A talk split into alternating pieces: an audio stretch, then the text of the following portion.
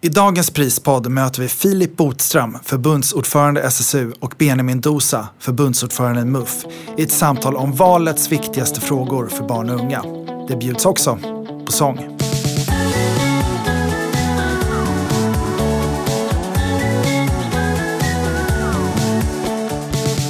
Filip Botström och Benjamin Dosa, eh, välkommen till Prispodden. Tack så mycket. Eh, jag tycker det är fantastiskt roligt att ha med er här och jag ser på er att ni, ni känns i alla fall taggade. Eh, ni träffas ju i ganska många samtal, debatter. Vilka brukar vara de stora frågorna som ni får prata om?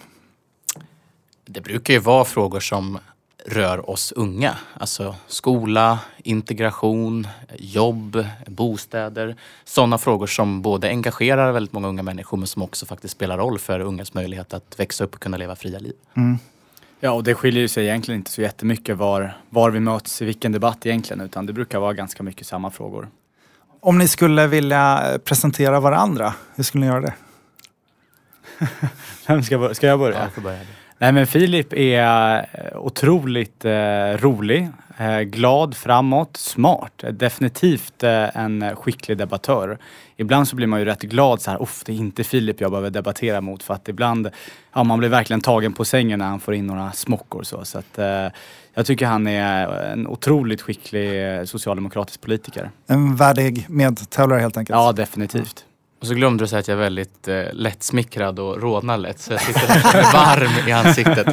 Eh, men jag har faktiskt, eh, det kanske inte märks i, i debatter alltid så det är stundens hetta. Men det är ingen hemlighet i, internt i min organisation att jag uppskattar Benjamin Dosa såklart också som huvudmotståndare. Eh, naturligtvis, vi tycker olika i många frågor. Inte minst de ideologiska skiljelinjerna är väldigt tydliga. Eh, men eh, bakom eh, de här hårda ibland tongångarna så vet jag att Benjamin är en person som precis som jag vill förbättra för unga människor i vardagen, i det lilla, i det stora och som har ett genuint engagemang för de värderingar han tror på. Det uppskattar jag väldigt mycket. Majoriteten av unga som kontaktar BRIS via våra stödfunktioner, de är i 14-årsåldern. Om ni skulle beskriva er själva som 14-åringar, hur, hur var ni då? Benjamin? Ja, det var väldigt mycket tv-spel kan, kan jag konstatera. Jag, det var väl där någonstans 14-15 som jag slutade med, med fotboll. Så att då hade jag väldigt mycket tid över. Det var precis innan jag också hade börjat engagera mig i Moderata ungdomsförbundet. Så att det, jag ser mycket tv-spel framför mig i, i mammas soffa. ja, jag var nog ute mest och sprang och lekte med pinnar i skogen tror jag. Det var inte så mycket tv-spel men, men däremot så 14-åriga Filip var ju en ganska så eh, vilsen person. Alltså växte ju upp då i en mm. liten bruksort i mellersta Värmland som en av få adopterade med annan hudfärg. Eh, kom på där i tonåren att jag var bög och eh, politiskt engagerad. Så jag kände mig ganska utanför liksom, mm. normen och eh, förväntningarna sådär.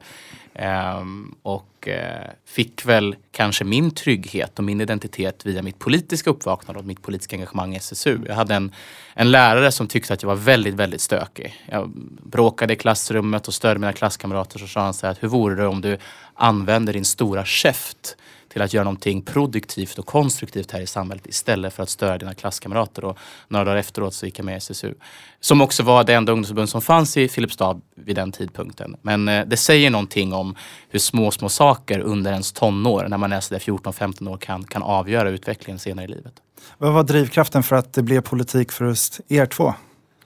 Det var definitivt inte, jag tror precis som Filip, självklart att det skulle bli ett politiskt ungdomsförbund för mig. Jag visste inte ens att det fanns ungdomsförbund. Mm. Man hade ju sett lite SVT Forum-debatter och det var mest gamla tanter och gubbar som satt och bråkade med varandra. Någon gång när man var sjuk från skolan och råkade sappa förbi det. Eh, så för mig var det definitivt inte självklart. Ingen i min släkt har varit med i ett parti och, och varit engagerad. Eh, men som sagt, det var, jag tror att jag hade fyllt 15. Det var någonstans där 14-15. Och jag var väldigt, väldigt arg för att jag var tvungen att läsa ämnet bild. Det var jag väldigt frustrerad över.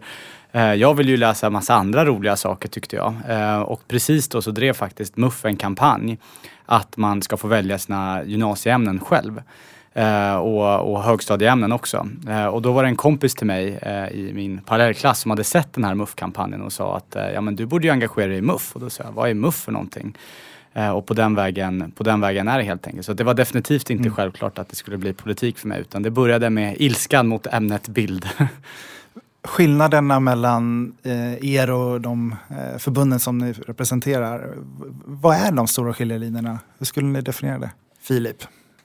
Man kan börja säga att likheterna mellan våra förbund är att vi två är väl egentligen de enda stora partipolitiska ungdomsförbunden som finns i Sverige. Jag tror det beror på att vi har som ambition att finnas i hela samhället och ha en verksamhet som inkluderar och, och skapar plattformar för väldigt många olika ungdomar. Men skiljelinjerna är ju framförallt ideologiska.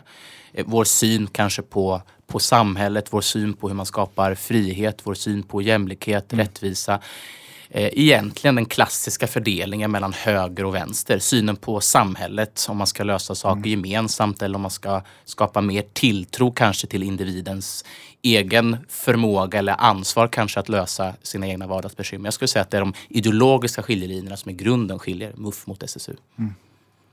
Håller du med? Ja, jag, jag håller med definitivt. Eh, och jag tror att om man skulle se på själva organisationerna så är det väl större skillnader mellan ja, oss och de andra förbunden än oss emellan egentligen. Jag menar vi båda har haft valupptakter precis och det var mycket folk på båda och vi verkade ha hyfsat liknande aktiviteter också för den delen. Eh, så att jag skulle säga, men politiskt så är det ju verkligen en, en stor skillnad. Och det tycker jag är bra. Jag tycker att det är bra att det finns stora skillnader även i ungdomspolitiken. Hur ser valupptakten ut? Det här är spännande. Båda har ju förkärlek då för att ta fram vallåtar. eh, både MUF och SSU har ju den här valrörelsen släppt varsin vallåt som egentligen mest fyller funktionen att peppa igång och entusiasmera våra egna medlemmar. Hur går de? Eh, vår, går, vår är väldigt enkel. Den heter Starkare tillsammans och refrängen är att Sverige behöver en socialdemokratiskt ledd regering igen. Eh, och det kan behövas när man sitter där i kampanjbussen, ska ut ytterligare på någon nattaffischering eller till något skolbesök och man är lite för trött kanske. Och då behövs det låtar som peppar igång och skapar gemenskap. Eran låt? Ja, den, samma tema fast eh, att man ska rösta moderat såklart. Ja. Eh, och också peppig och lite framåt och så. Men jag ska ändå credda Filip att han vågade ju sjunga sin vallåt själv när den lanserades. Det, det hade jag aldrig vågat. Jag är riktigt dålig på att, på att sjunga. Får vi ett smakprov? Kom igen då Filip, det tycker ja. jag. eh, eh, ska se, nu blir jag helt ställd här. Jätte, tack så mycket Benjamin. Nej, men, eh Eh, nu blir jag helt, helt ställd. Jag ska sjunga, jag kan sjunga. Sossarna ska göra allting bra. Oh, oh, oh, oh.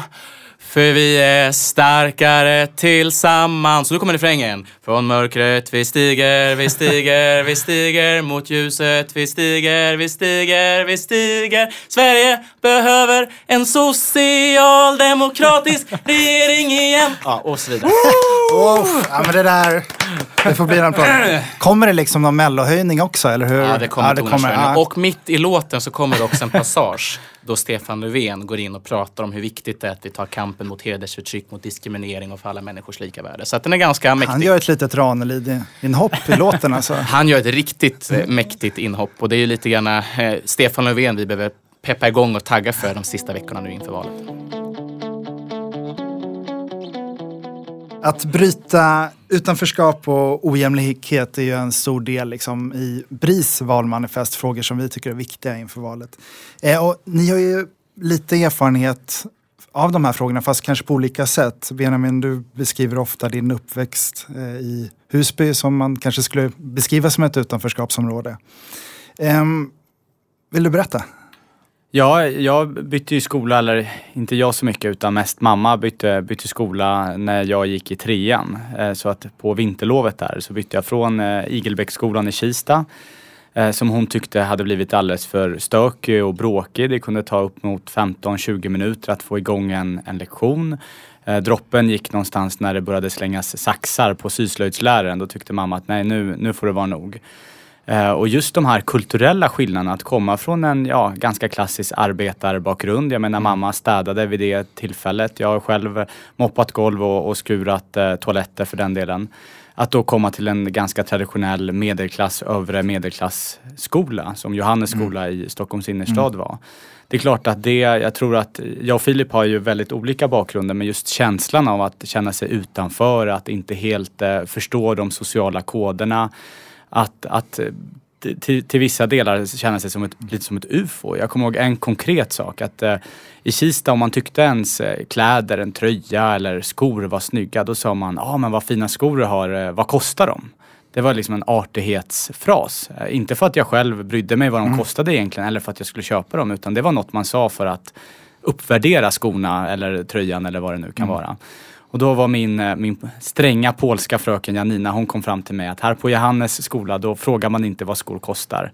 Och det är något som verkligen har etsat sig fast för att jag förstod inte det. Varför skulle man inte kunna berömma eh, andras skor?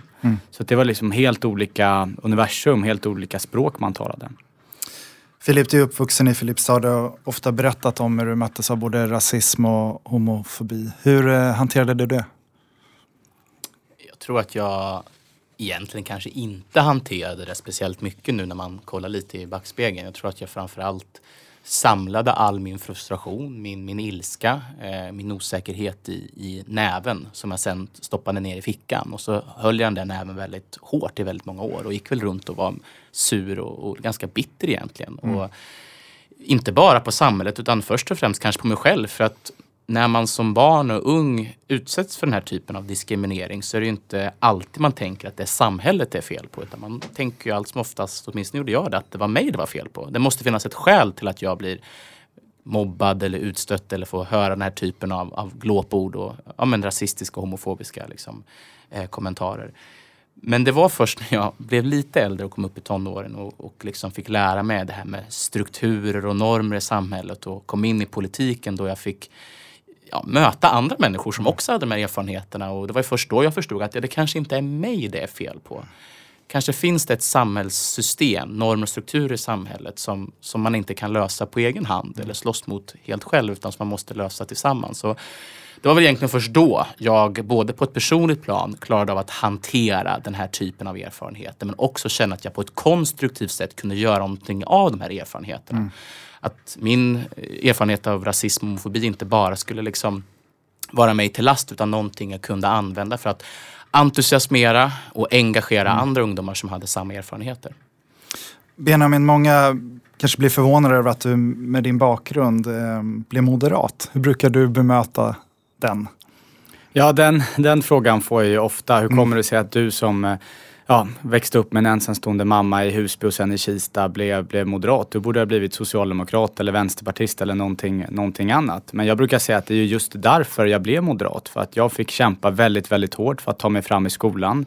Min mamma har, jag menar ett jobbskatteavdrag, en skattesänkning för oss. Det har inneburit att jag fick fotbollsskor som faktiskt passar. Så att, att vara moderat ligger verkligen mitt i hjärtat. Att jag har fått kämpa väldigt, väldigt hårt för att ta mig dit jag är. Och det tycker jag är, är grundideologin i, i Moderaternas värderingar. Eh, din politiska förebild, eh, Kjell-Olof Fält. Mm. Hur kommer det sig att det blev han som blev en sån förebild?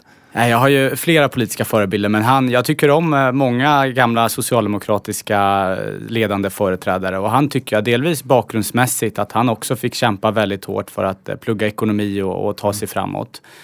Och delvis så tyckte jag att han faktiskt har genomfört ganska bra reformer med, med avregleringar för, som har varit viktiga för Sverige. Så att, jag tycker att han är både en personlig förebild, att man, eh, om man sliter hårt så spelar det ingen roll vilket arbetarhem man kommer ifrån. Man kan komma väldigt långt här i Sverige. Så det tycker jag fler borde se. Mm.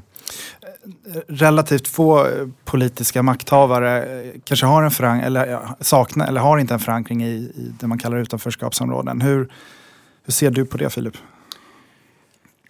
Jag tror att precis, alltså många ledande företrädare kanske inte har det. Men väldigt många politiskt engagerade och aktiva har det verkligen.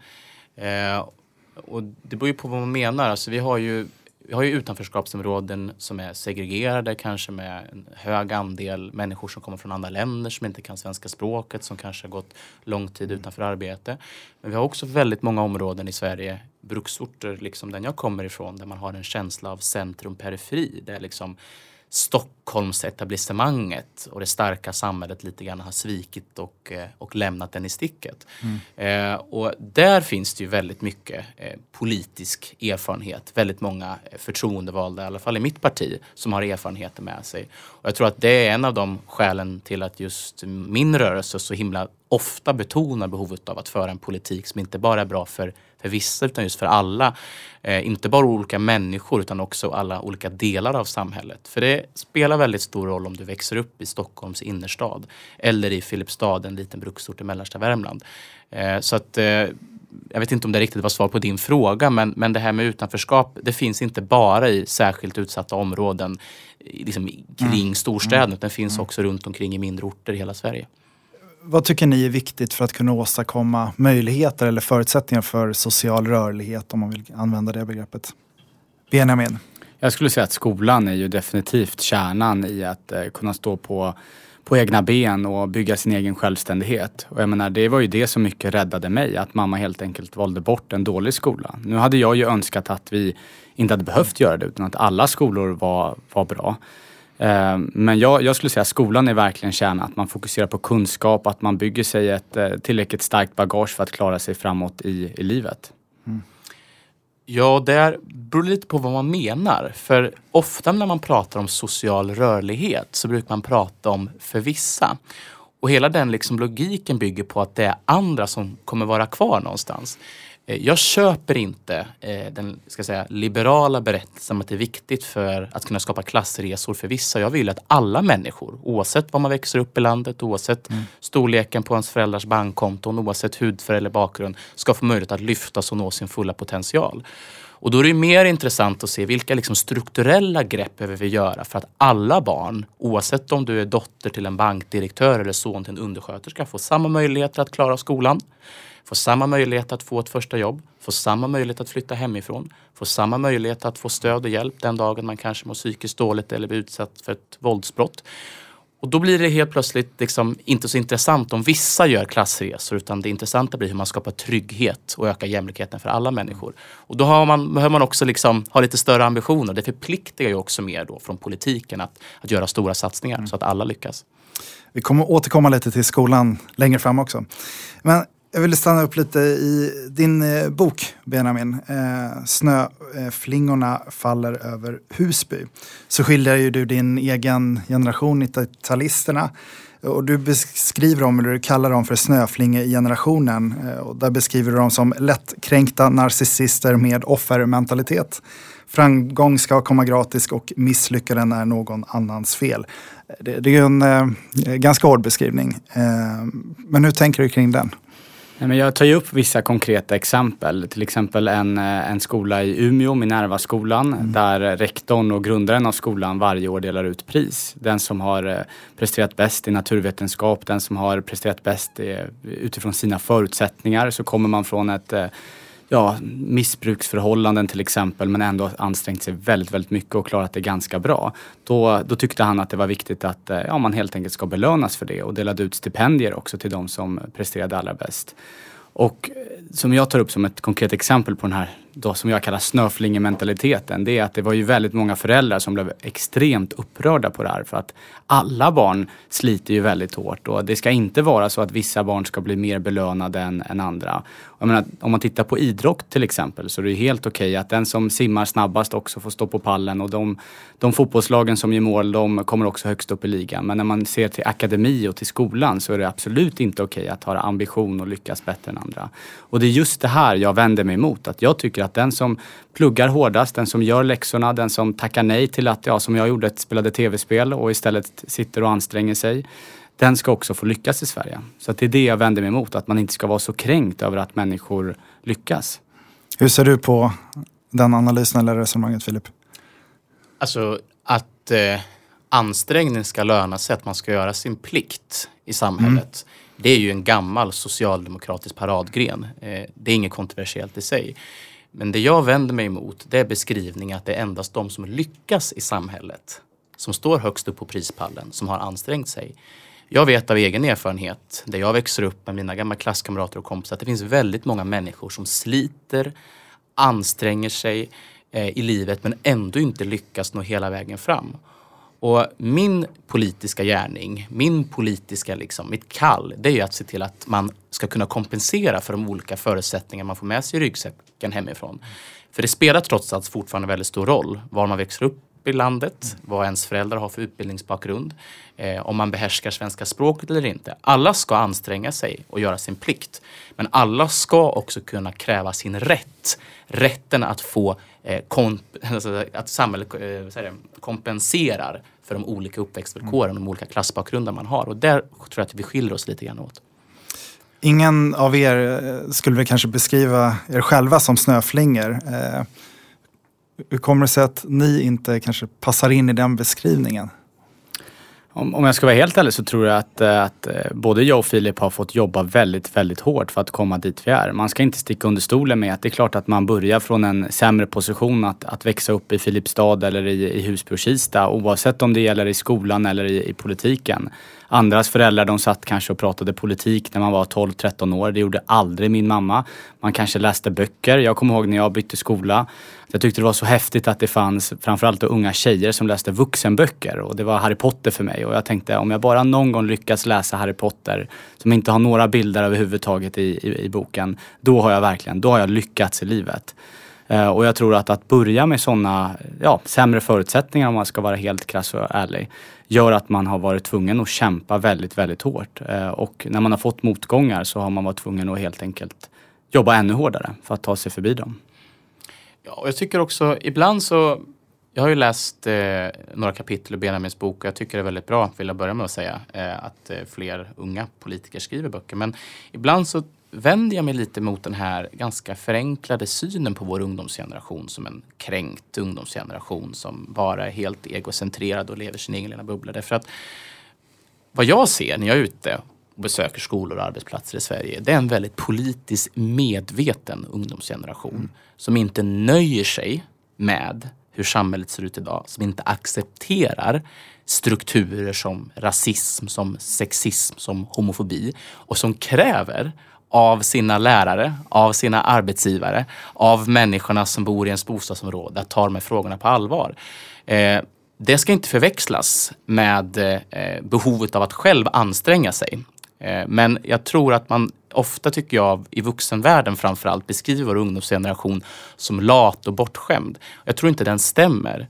Och i, i någon mån så är det väl alltid, har det väl alltid varit så att den vuxna och äldre generationen tycker att de unga är lata och bortskämda. Men om man ser till de förutsättningar som väldigt många barn och unga har i Sverige idag så tror jag att det är väldigt många som inte känner igen sig i den beskrivningen. Tvärtom väldigt många som kämpar och sliter varje dag för att hålla liksom, eh, huvudet över vattenytan och för att kunna eh, se till att eh, få en bättre framtid. Jag tror att eh, den beskrivningen, den nidbilden av vår ungdomsgeneration inte är helt sann helt enkelt. Mm.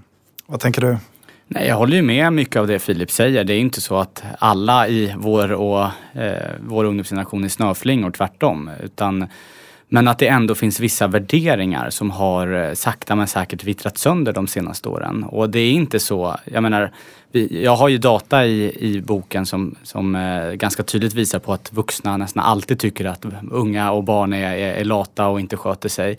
Men det finns ändå vissa värderingar som har vittrat sönder. Till exempel att man ska göra rätt för sig och inte leva på bidrag man inte har rätt till. Den värderingen höll i princip alla svenskar med om för bara 40 år sedan. Att man tyckte att det var fel att ta bidrag som man ja, på ett eller annat sätt inte har rätt till att få. Och tittar man vår ungdomsgeneration så är det bara var fjärde ung som tycker det är fel att ta bidrag som man inte har rätt till. Och det är en sån ganska tydlig, ett tydligt värderingsskifte som ändå har, har skett på ganska kort tid i Sverige. Och om den här typen av värderingar som jag tror både moderater och socialdemokrater, åtminstone gamla klassiska socialdemokrater, verkligen håller med om att det är fel. Om, om det får fotfäste och, och lyckas växa sig starkt i Sverige så tror jag att vi har en, en rejäl uppförsbacke. Hur tänker ni att ni ska jobba för att motverka kanske bidragsanvändande på ett felaktigt sätt då, eller liknande, om man vill kalla det så, om man köper den definitionen? Filip? Ja, alltså för det första så är det ju, i den mån det finns unga människor som bara vill leva på bidrag så har ju de fått det betydligt eh, svårare. Dels därför att eh, jag menar, bidragsberoendet har ju gått ner kraftigt de senaste åren. Det är faktiskt nu det lägsta sedan 1981. Allt fler unga människor har ett arbete att gå till. Eh, så det är det ena.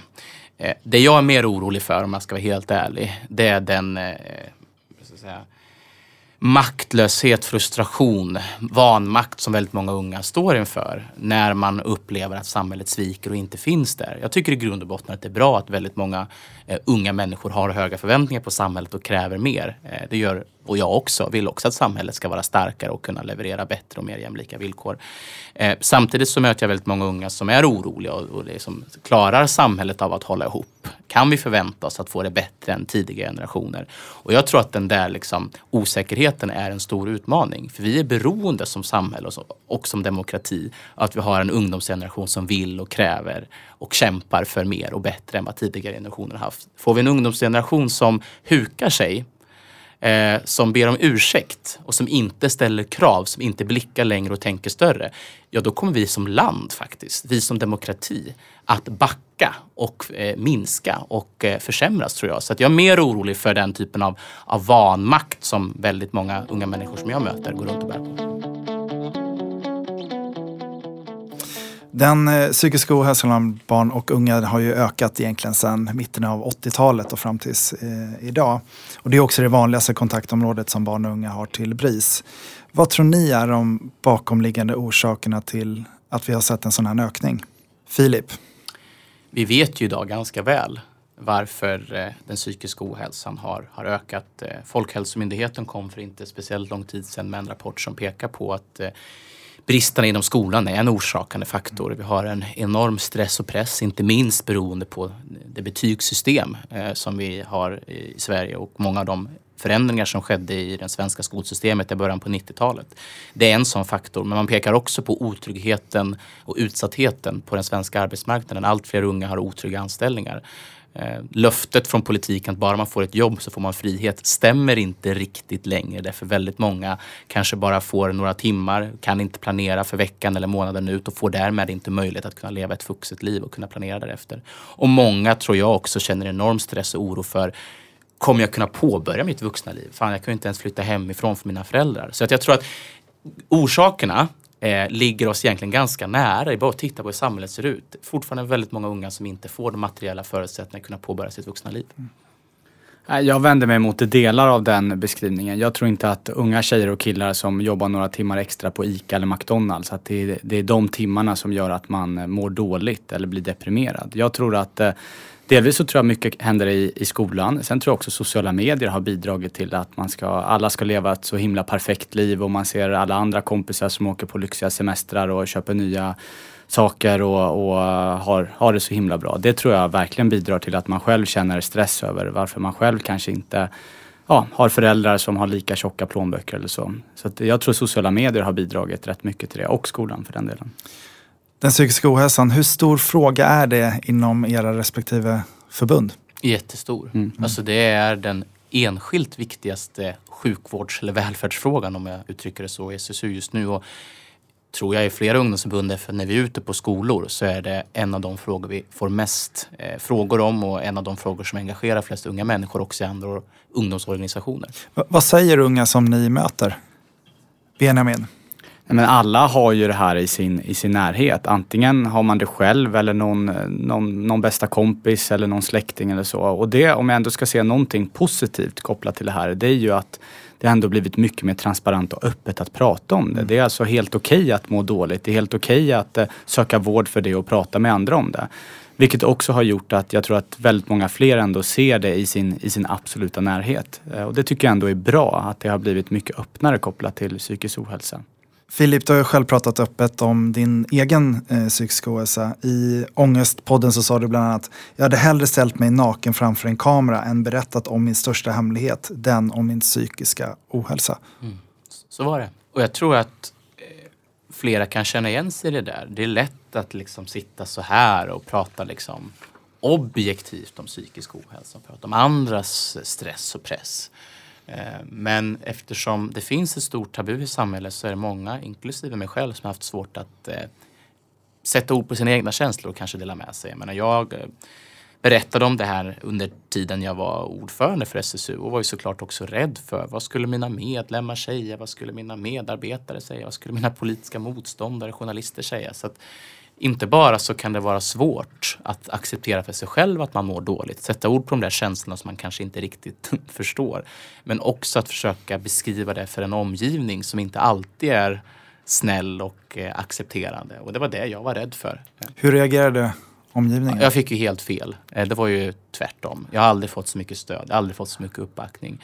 Aldrig erbjudit så mycket hjälp som när jag gick ut och berättade om det här. Mm. Och eh, det är också det jag försöker beskriva när jag träffar andra unga killar och tjejer runt omkring i Sverige. Att det kan kännas tufft, men det är allt som oftast värt. Utan att förringa de utmaningar som finns inom elevhälsan och barn och ungdomspsykiatrin, utan att förringa alla de unga som inte har fått rätt stöd och hjälp, så är det väldigt mycket, eller är det fortfarande så att samhället vill hjälpa eh, mm. efter bästa förmåga. Mm. Eh, och för mig är det alldeles uppenbart att det var värt och jag vet inte vart jag hade varit idag om jag inte hade berättat om min psykiska ohälsa. Mm. Vad tänker du när du hör det här, Benjamin? Nej men jag, jag tycker verkligen att det var väldigt bra att Filip gick ut och han är ju en förebild för tusentals unga människor, inte bara i SSU utan i, i stora delar av samhället och att han ändå går ut och vågar och orkar gör ju förhoppningsvis att fler, kanske till och med yngre, vågar och orkar. Uh, och det är det jag tycker är så tråkigt just kopplat till de här frågorna. Att jag menar om jag bryter benet så är det helt okej okay för mig att, att, söka vård och jag menar man kan till och med se att jag haltar kanske mm. och så får man uppbackning och så. Men det här sitter ju inne på ett helt annat sätt.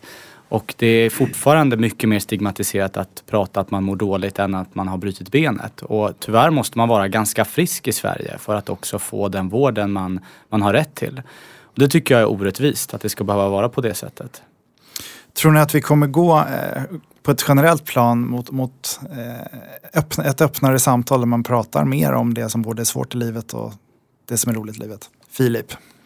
Ja, det tror jag. Och jag tror att vi också får fler förebilder. Vi ser både då fler politiker, vi ser fler artister, vi ser fler idrottsstjärnor som pratar om de här mörka, gråa eh, sidorna av livet eh, mer öppet. Jag tror det är viktigt det är ganska så eh, avgörande när man är ung tror jag att ha just förebilder som går före och visar att det är okej. Okay. Att man både kan vara framgångsrik, rik, lyckad, driven, engagerad men samtidigt också ibland må dåligt. Eh, att avdramatisera det men också just visa på eh, de brister och utmaningar som finns i den svenska sjukvården exempelvis och också ställa krav som sagt som ungdomsgeneration att det ska förbättras. Eh, ser också inför det här valet nu att allt fler partier pratar om ungas psykiska ohälsa på ett sätt som vi inte har sett i någon tidigare valrörelse. Mm. Ser också att allt fler partier har vaknat till liv när det kommer till att presentera politiska lösningar. Mm. Det jag tror är den, den liksom stora frågan de kommande åren däremot, det är hur många partier som också just vill, vill och vågar och kan gå till roten med problemet. För vi kan nog vara ganska överens, tror jag, över partigränserna om att vi behöver ha en bättre elevhälsa, bättre barn och ungdomspsykiatri, bättre primärvård och skapa fler verktyg för att unga ska kunna söka hjälp tidigare. Men frågan är just, vågar vi också se att det sättet vi har organiserat vårt samhälle på, alltså skolan, arbetsmarknaden, bostadsmarknaden, att det faktiskt också kan vara en bidragande orsak till att allt fler mår dåligt. Vågar vi se det, ta tag i det, åtgärda det eller vågar vi inte göra det? Eh, det spelar roll om man inte bara ska då liksom åtgärda symptomen utan också komma, till, komma åt roten till grundorsakerna. Mm. Hur vill ni förebygga psykisk ohälsa? Vad är viktiga reformer? Benjamin? Eh, där är ju skolan väldigt, väldigt eh, central skulle jag säga. Att elevhälsan finns också när, när man behöver den. Inte bara att man måste kämpa för att få ta del av den. Mm. Jag skulle säga vårdköerna till BUP är kanske ett av de största problemen just nu för unga människor, särskilt unga människor som mår dåligt. Det ska inte vara så att man får vänta ja, kanske ett år innan man överhuvudtaget får, får prata med någon som är professionellt utbildad i, i ämnet. Så jag skulle säga vårdköerna och att jobba förebyggande mycket, mycket i skolan och där unga människor finns och, och, och träffas. Uh, och här tycker jag ändå att vi de senaste, och det tror jag inte har så jättemycket om jag ska vara helt ärlig med oavsett om det är socialdemokrater eller moderater som bestämmer. Men just alltså, att man vågar prata om det här. Bara det Filip satt och berättade här precis. Jag menar hade han gjort det när han var 14-15 år gammal så tror jag inte han hade fått samma stöd och uppbackning från samhället i stort. Eh, och där tycker jag faktiskt att vi rör oss i, i rätt riktning. Att det är mycket, mycket mer öppet även om vi inte är i hamnen. Mm. Håller med om att eh, det viktigaste vi kan göra på kort och medellång sikt, om man pratar om i år och de kommande åren, det är att se till att stärka elevhälsan. Det spelar väldigt stor roll vart i Sverige eh, du växer upp för dina möjligheter att få stöd och hjälp hos en skolkurator exempelvis. Mm. Det handlar också om att stärka primärvården. Det är någonting som man inte pratar så mycket om. Man pratar ofta om BUP men vi vet då att väldigt många barn och unga som har medelsvåra eh, stressrelaterade problem går till BUP som egentligen är högspecialiserade. Om vi skulle se till att primärvården och elevhälsan fick eh, fler anställda och bättre kompetens att hantera de medelsvåra problemen, då skulle vi också kunna korta köerna till barn och ungdomspsykiatrin. Och sen så tror jag väldigt mycket på digitalisering och därför är jag glad över att SSU pressade Socialdemokraterna som nu också har lovat att vi ska stärka umo.se som idag är en sajt där man kan söka på information men inte en interaktiv plattform där man också kan få stöd och hjälp och snabbt komma i kontakt med en, med en läkare eller psykolog. Mm. Så jag tror man behöver både liksom sänka trösklarna eh, men också öka tillgängligheten eh, för att på det sättet motverka den psykiska ohälsan. Och sen precis som Benjamin säger, eh, på lång sikt så måste vi få igång en, en folkrörelse, en helt annan syn på psykisk ohälsa. Och jag tycker att där är vi på, på god väg. Men det krävs också materiella förutsättningar för att alla barn och unga i Sverige ska kunna få stöd och hjälp i rätt tid. En rik skola det är en, en avgörande faktor för att kunna förebygga utanförskap. Just nu så ser vi ju hur skolsegregationen tvärt emot, den, är, den tilltar och blir mer, mer allvarlig. Hur vill ni förbättra den svenska skolan och göra den mer jämlik eller minska eh, segregationen om man vill uttrycka det så? Filip? Svensk skola har ju i huvudsak tre utmaningar och haft det egentligen under ganska lång tid. Det ena är ju naturligtvis att vi under många år har haft sjunkande kunskapsresultat och en ganska så liksom, Eh, tillökande lärarbrist. De två utmaningarna ser vi nu är på väg att vända. Kunskapsresultaten stiger igen, om än ganska så blygsamt. Eh, vi ser också att det utbildas och anställs fler lärare och politiker från höger till vänster lägger nu nya förslag på att också förbättra villkoren och lönerna. Men den tredje utmaningen, den som du lyfter, liksom, eh, likvärdigheten, segregationen, den har faktiskt inte förbättrats utan den tilltar just nu. Och ska man komma åt den, då krävs det att man också eh, kommer åt grundorsakerna till att vi överhuvudtaget har segregation i samhället. Där har ju SSU exempelvis och Socialdemokraterna föreslagit att vi ska satsa på just de skolor och de elever med absolut störst utmaningar och behov. Satsa på de skolor som lyckas sämst med kunskapsresultaten. Ta tag i friskolesystemet där vi har inslag exempelvis religiösa friskolor eh, som faktiskt har som affärsidé att segregera, inte integrera.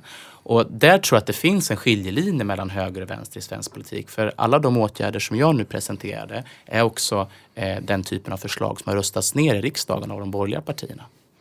Vad anser du om det, Benjamin? Jag tror att mycket börjar med att ha bra lärare som också förmedlar kunskap på ett så bra sätt som möjligt. Jag menar, bara för tre år sedan så var det fler som sökte till Paradise Hotel än till lärarutbildningen. Och det är klart att har man ett sådant samhälle långsiktigt så kommer vi få färre färre riktigt bra lärare. Här tror jag mycket handlar om att få upp lärarstatusen. Jag tycker precis som Jan Björklund att om man är en riktigt bra lärare, varför ska man då inte kunna tjäna 50, 60, 70 tusen kronor i månaden? Så att det blir ett riktigt häftigt jobb att söka till. Jag menar, det är bara att gå runt på valfritt klassrum. Det är allt färre och färre barn och unga som vill bli lärare. Det tycker jag är en helt fel utveckling och det måste vi verkligen vända. Sen är det ju lite det som Filip pratar om också de sämsta skolorna i Sverige, de är riktigt, riktigt dåliga. Här tycker jag att man måste vara tuffare. I första hand försöka vända utvecklingen. Det har vi ju gjort på ganska stora håll i, i landet. Att man helt enkelt höjer skolpengen. Där, där jag bor i, i Rinkeby-Kista så har vi 50 procent högre skolpeng än inne i stan till exempel. Det tror jag är, är bra. Eh, men att man måste också vara tuffare mot kommunala och friskolor som missköter sig. Eh, och där tycker jag att man ska gå så långt att om man år ut på år in missköter sig och inte lyckas förmedla kunskap på ett bra sätt, då ska man också stänga ner de skolorna oavsett om det är en friskola eller en kommunal skola. Sen finns det en sak som jag aldrig någonsin kommer gå med på och det är att man tar bort eller begränsar det fria skolvalet eller att man förbjuder friskolor. Jag tycker att det är en så grundläggande rättighet som man har i, i Sverige, att man ska få välja skola fritt. Jag menar, det var det som räddade mig. Eh, och att man också ska få välja oavsett om man ska gå i en kommunal skola eller en friskola. Jag har gått på både, bra kommunal skola, eh, både en bra kommunal skola och en bra friskola. Det tycker jag är helt självklart att man ska få välja fritt. Och där finns det ju heller ingen konflikt i svensk politik. Vi vill alla, tror jag, ha ett skolsystem som kan förena individens rätt att kunna få välja inriktning utefter ens egna önskemål och behov. Utan det konflikten står, det tror jag är hur ser vi på samhället? Idag har vi ju, alltså samhällsansvar, idag har vi en situation där vi har skolor som aktivt väljer bort och sorterar elever utefter socioekonomi. Eh, och det är den typen av avarter vi vill ta bort. När svensk skola var som bäst, då hade vi en skola där eh, alla barn möttes. Eh, vi hade eh, en skola, skolor där barn till undersköterskor och bankdirektörer lekte på rasten och hjälpte varandra i klassrummen. En skola med eh, blandning. Det var både bra för gemenskapen i samhället, för tilliten, för förmågan att kunna lära av varandra och utbyta erfarenheter. Men det var faktiskt också bra för kunskapsresultaten. Eh, man kan titta såklart våra historiska exempel i Sverige och slå fast det. Men vi kan också titta på forskningen och de menar ju på att ska vi kunna vända kunskapsresultaten och minska segregationen, då vi få en skola där fler barn möts, inte segregeras som är fallet idag. Och då måste man våga ta tag, inte ta bort det fria skolvalet, inte ta bort möjligheten att kunna välja inriktning, men ta bort möjligheten för skolorna att kunna sortera elever på det sätt som sker idag. Det finns idag drygt en och en halv miljon barn och unga, i åldern 13 till 25. Och bland dessa är det ungefär 24 000 som engagerar sig, eh, i alla fall formellt eh, politiskt. Antalet medlemmar i ungdomsförbunden är ju faktiskt lägre än, på, på många år. Samtidigt så har ju du också Filip lyft just det här engagemanget som är väldigt stort. Hur, hur kommer det sig? Finns ett, eh, ett minskande engagemang för politik bland unga? Eller är det tvärtom? Benjamin? Alltså jag, jag märker ju de senaste kanske fem, sex, sju åren i, i Moderata ungdomsförbundet att vi har legat hyfsat stabilt. Det har inte växt jätte, jättekraftigt och det har inte minskat kraftigt heller. Så att vi ligger ganska stabilt. Sen går man tillbaka ännu längre tillbaka, 40, 50, 60-talet. Då har det ju Eh, definitivt eh, minskat. Eh, jag tror inte det politiska engagemanget och intresset har minskat. Men att man kanske tycker att det är lite omodernt och lite ja, rent ut sagt töntigt att vara med i ett ungdomsförbund. Och där har ju vi såklart en stor utmaning framför oss och ett ansvar. Jag skulle säga att det största problemet både för MUF och, och SSU just nu det är ju att vi inte får komma in på så många skolor. Att vi helt enkelt säger att vi kommer dit och vi pratar med elever. Vi kommer gärna dit tillsammans och vi kan debattera lite och sånt där. Men så ändå så säger rektorer nej för att de tycker att ja, några flygblad eh, skräpar ner eller man är rädd att Sverigedemokraterna ska komma dit också. Och det är ju ett jättestort hinder om vi inte får komma dit, dit unga också finns. Så mm. då kan det ju bli som, som det var i mitt läge att jag hade ju ingen aning om att det fanns politiska ungdomsförbund överhuvudtaget. Så hade jag inte haft min kompis i parallellklassen där vid, vid rätt tidpunkt och rätt tillfälle så hade jag överhuvudtaget inte engagerat mig politiskt för att jag inte hade det hemifrån. Hur ser era strategier ut för att eh, engagera fler unga? Ja, men det är ju en viktig strategi att eh, finnas och synas och höras där unga befinner sig. Och då är trots allt skolorna eh, kanske det enskilt viktigaste forumet. För det är där man ändå spenderar en stor del av sin, sin vakna tid. Så det håller jag helt och hållet med det Benjamin säger. Vi i SSU har ju sett en väldigt stor medlemsökning under de senaste månaderna bara och det är inte så konstigt. De flesta ungdomsförbund brukar ju engagera eh, och rekrytera under, under valår. Mm. Jag tror vi har värvat nästan 4 000 medlemmar sedan, sedan första maj. Men utmaningen tror jag för de politiska ungdomsförbunden och för hela civilsamhället det är att få in de här nya människorna som nu är engagerade i verksamhet. Få dem att växa, få dem att utvecklas, få dem att hitta utvecklingsmöjligheter i sitt engagemang. Och det tror jag att det är många som kan känna igen sig i bilden. Att det, är, det är liksom inte när det är valår eller när det är liksom så här slutspurt det är svårt att hitta engagemang och saker att göra. Utan det är ju däremellan, en vanlig grå mm. liksom, novembertisdag. Och det handlar ju om att politiken tror jag också behöver ge bättre förutsättningar för det unga civilsamhället och för de politiska ungdomsförbunden. Se till att man har ekonomiska förutsättningar eh, att kunna bedriva bra ungdomsverksamhet. Som sagt, inte bara i Stockholms innerstad utan i hela landet. Vi närmar oss ju val eh, och eh, fråga till er, det är vilka valfrågor unga anser är viktigast idag? Vilka skulle ni lista då? Nej, men jag skulle nog säga skola, integration, trygghet, jämställdhet eh, är de frågor som jag möter oftast när jag är i debatter och på skolor. Att det är stort intresse, man undrar vad partierna tycker, vad ungdomsförbunden tycker. Och det är också det som våra medlemmar tycker är, är absolut viktigast. Ja, jag skulle säga skolan kanske är den enskilt viktigaste frågan och det är ju inte så konstigt. Alltså, skolan har ju direkt bäring eh, på om man kan få ett jobb, om man klarar att bli en, integreras i samhället, om eh, man ska kunna lösa de demokratiutmaningar vi står för. Så skolan liksom täcker väldigt brett många av de utmaningar som samhället i övrigt står inför. Jag skulle säga psykisk ohälsa också. Jag möter den väldigt, väldigt, väldigt mycket när jag är ute på skolor. Och sen så skulle jag säga att de här värderingsfrågorna, jämställdhet men också antirasism. Alltså jag tror att väldigt många unga känner oro för den utveckling vi har haft i Sverige de senaste åren där rasism och eh, extremism faktiskt också normaliseras allt mer. Och väldigt många som går med i SSU nu de senaste veckorna, de senaste månaderna har gjort just det därför att de vill ta kampen mot den växande rasismen.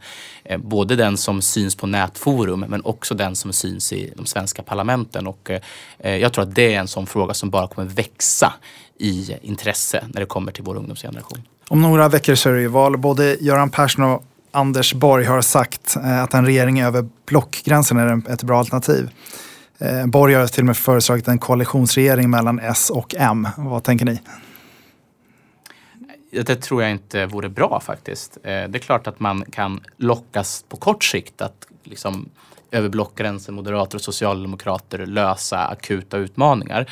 Eh, det är viktigt. Vi har stora utmaningar. Vi har pratat om migration, integration, vi har pratat om eh, skolan. Det finns säkert områden där moderater och socialdemokrater skulle kunna sätta sig ner, kompromissa och hitta gemensamma lösningar. Men för demokratin tror jag långsiktigt är farligt när de stora partierna går ihop och eh, blir som en form av smältdegel. Då finns risken att de mer extrema partierna på, på kanterna så att säga växer och kan kapitalisera och det tror jag är farligt på sikt. Men jag ser framför mig att eh, moderater och socialdemokrater kommer kunna sätta sig ner och ta ansvar för Sverige viktiga frågor. Men jag hoppas och tror inte vi kommer sitta i regering ihop efter den 9 september. Nej, jag håller väl med allting som, som Filip säger. Det är bra att vi gör överenskommelser, särskilt så här framtidsfrågor som kommer prägla Sverige kommande 40-50 år framåt. Men jag menar, även om vi har det väldigt trevligt här nu och när vi ska iväg till nästa debatt efter det här så kommer vi antagligen skämta och ha det väldigt trevligt. Så måste det alltså spela roll om man röstar på, på Filip och Socialdemokraterna eller om man röstar på mig och Moderaterna. Det måste alltså få bäring i samhället också. Annars kan vi ju lägga ner valet överhuvudtaget om det ändå bara är eh, samma politiker som, som sitter och bestämmer och sitter i regering oavsett vad man röstar på. Så jag tycker att det ändå ska vara skillnad om man röstar på Socialdemokraterna eller Moderaterna. Och då kan vi inte sitta i regering ihop efter valet. Om ni skulle ta en minut var för att argumentera varför just ert parti är det bästa ur ett barn och ungdomsperspektiv. Hur skulle den minuten låta? Benjamin, varsågod. Nej, men jag, jag, tycker att man ska rösta på Moderaterna och gå med i Moderata ungdomsförbundet om man tycker att valfrihet är väldigt viktigt. Vi kommer aldrig tumma på det fria skolvalet. Vi kommer alltid stå upp för att man ska få välja en friskola själv om man nu vill det. Vi tycker också att ansträngning i alla lägen ska löna sig. Oavsett om det gäller att man gör läxorna, att försvara betygssystemet. Det måste göra skillnad om man sätter sig ner och pluggar väldigt hårt eller om man inte gör det. Och för den delen om man jobbar om man jobbar på ICA, om man jobbar på McDonalds, då ska man få behålla mer av sina egna pengar. Och politiker och politikerna ska få mindre av det. Så det är kärnvärderingarna för MUF och Moderaterna. Ja, huvudkonflikten inför det här årets val är egentligen två. Det ena handlar om, ska vi investera mer i barns utbildning, i en sjukvård som fungerar, i fler bostäder så att unga kan flytta hemifrån. Eller ska vi sänka skatterna mest för de som redan tjänar bäst? Helt enkelt välfärd eller skattesänkningar. Men den andra konflikten som är väldigt viktig inför det här valet, det handlar om den svenska anständigheten. Ska vi fortsätta att vara ett land där vi håller eh, rasistiska partier utanför politiskt inflytande? Eller ska vi som flera av de borgerliga partierna mer eller mindre öppnat upp för ge Jimmy Åkesson och Sverigedemokraterna politiskt inflytande i höst och de kommande åren? Ett välfärdsval blir det, en folkomröstning om den svenska välfärden men också ett värderingsval om vi ska hålla hatarna utanför politiskt inflytande eller om vi ska släppa in dem i värmen. Det handlar valet den 9 september om. Och vill man precis som jag ha ett starkare och ett tryggare samhälle, eh, vill man precis som jag se till att garantera att Sverigedemokraterna inte kommer in i den politiska värmen, då finns det bara en röst. Då är det Stefan Löfven som gäller den 9 september. Samtalet lär fortsätta. Stort tack för att ni var med i BRIS-podden, Benjamin och Filip. Tack. Vill du precis som jag kämpa för en bättre barndom? Bli barndomsvän på bris.se.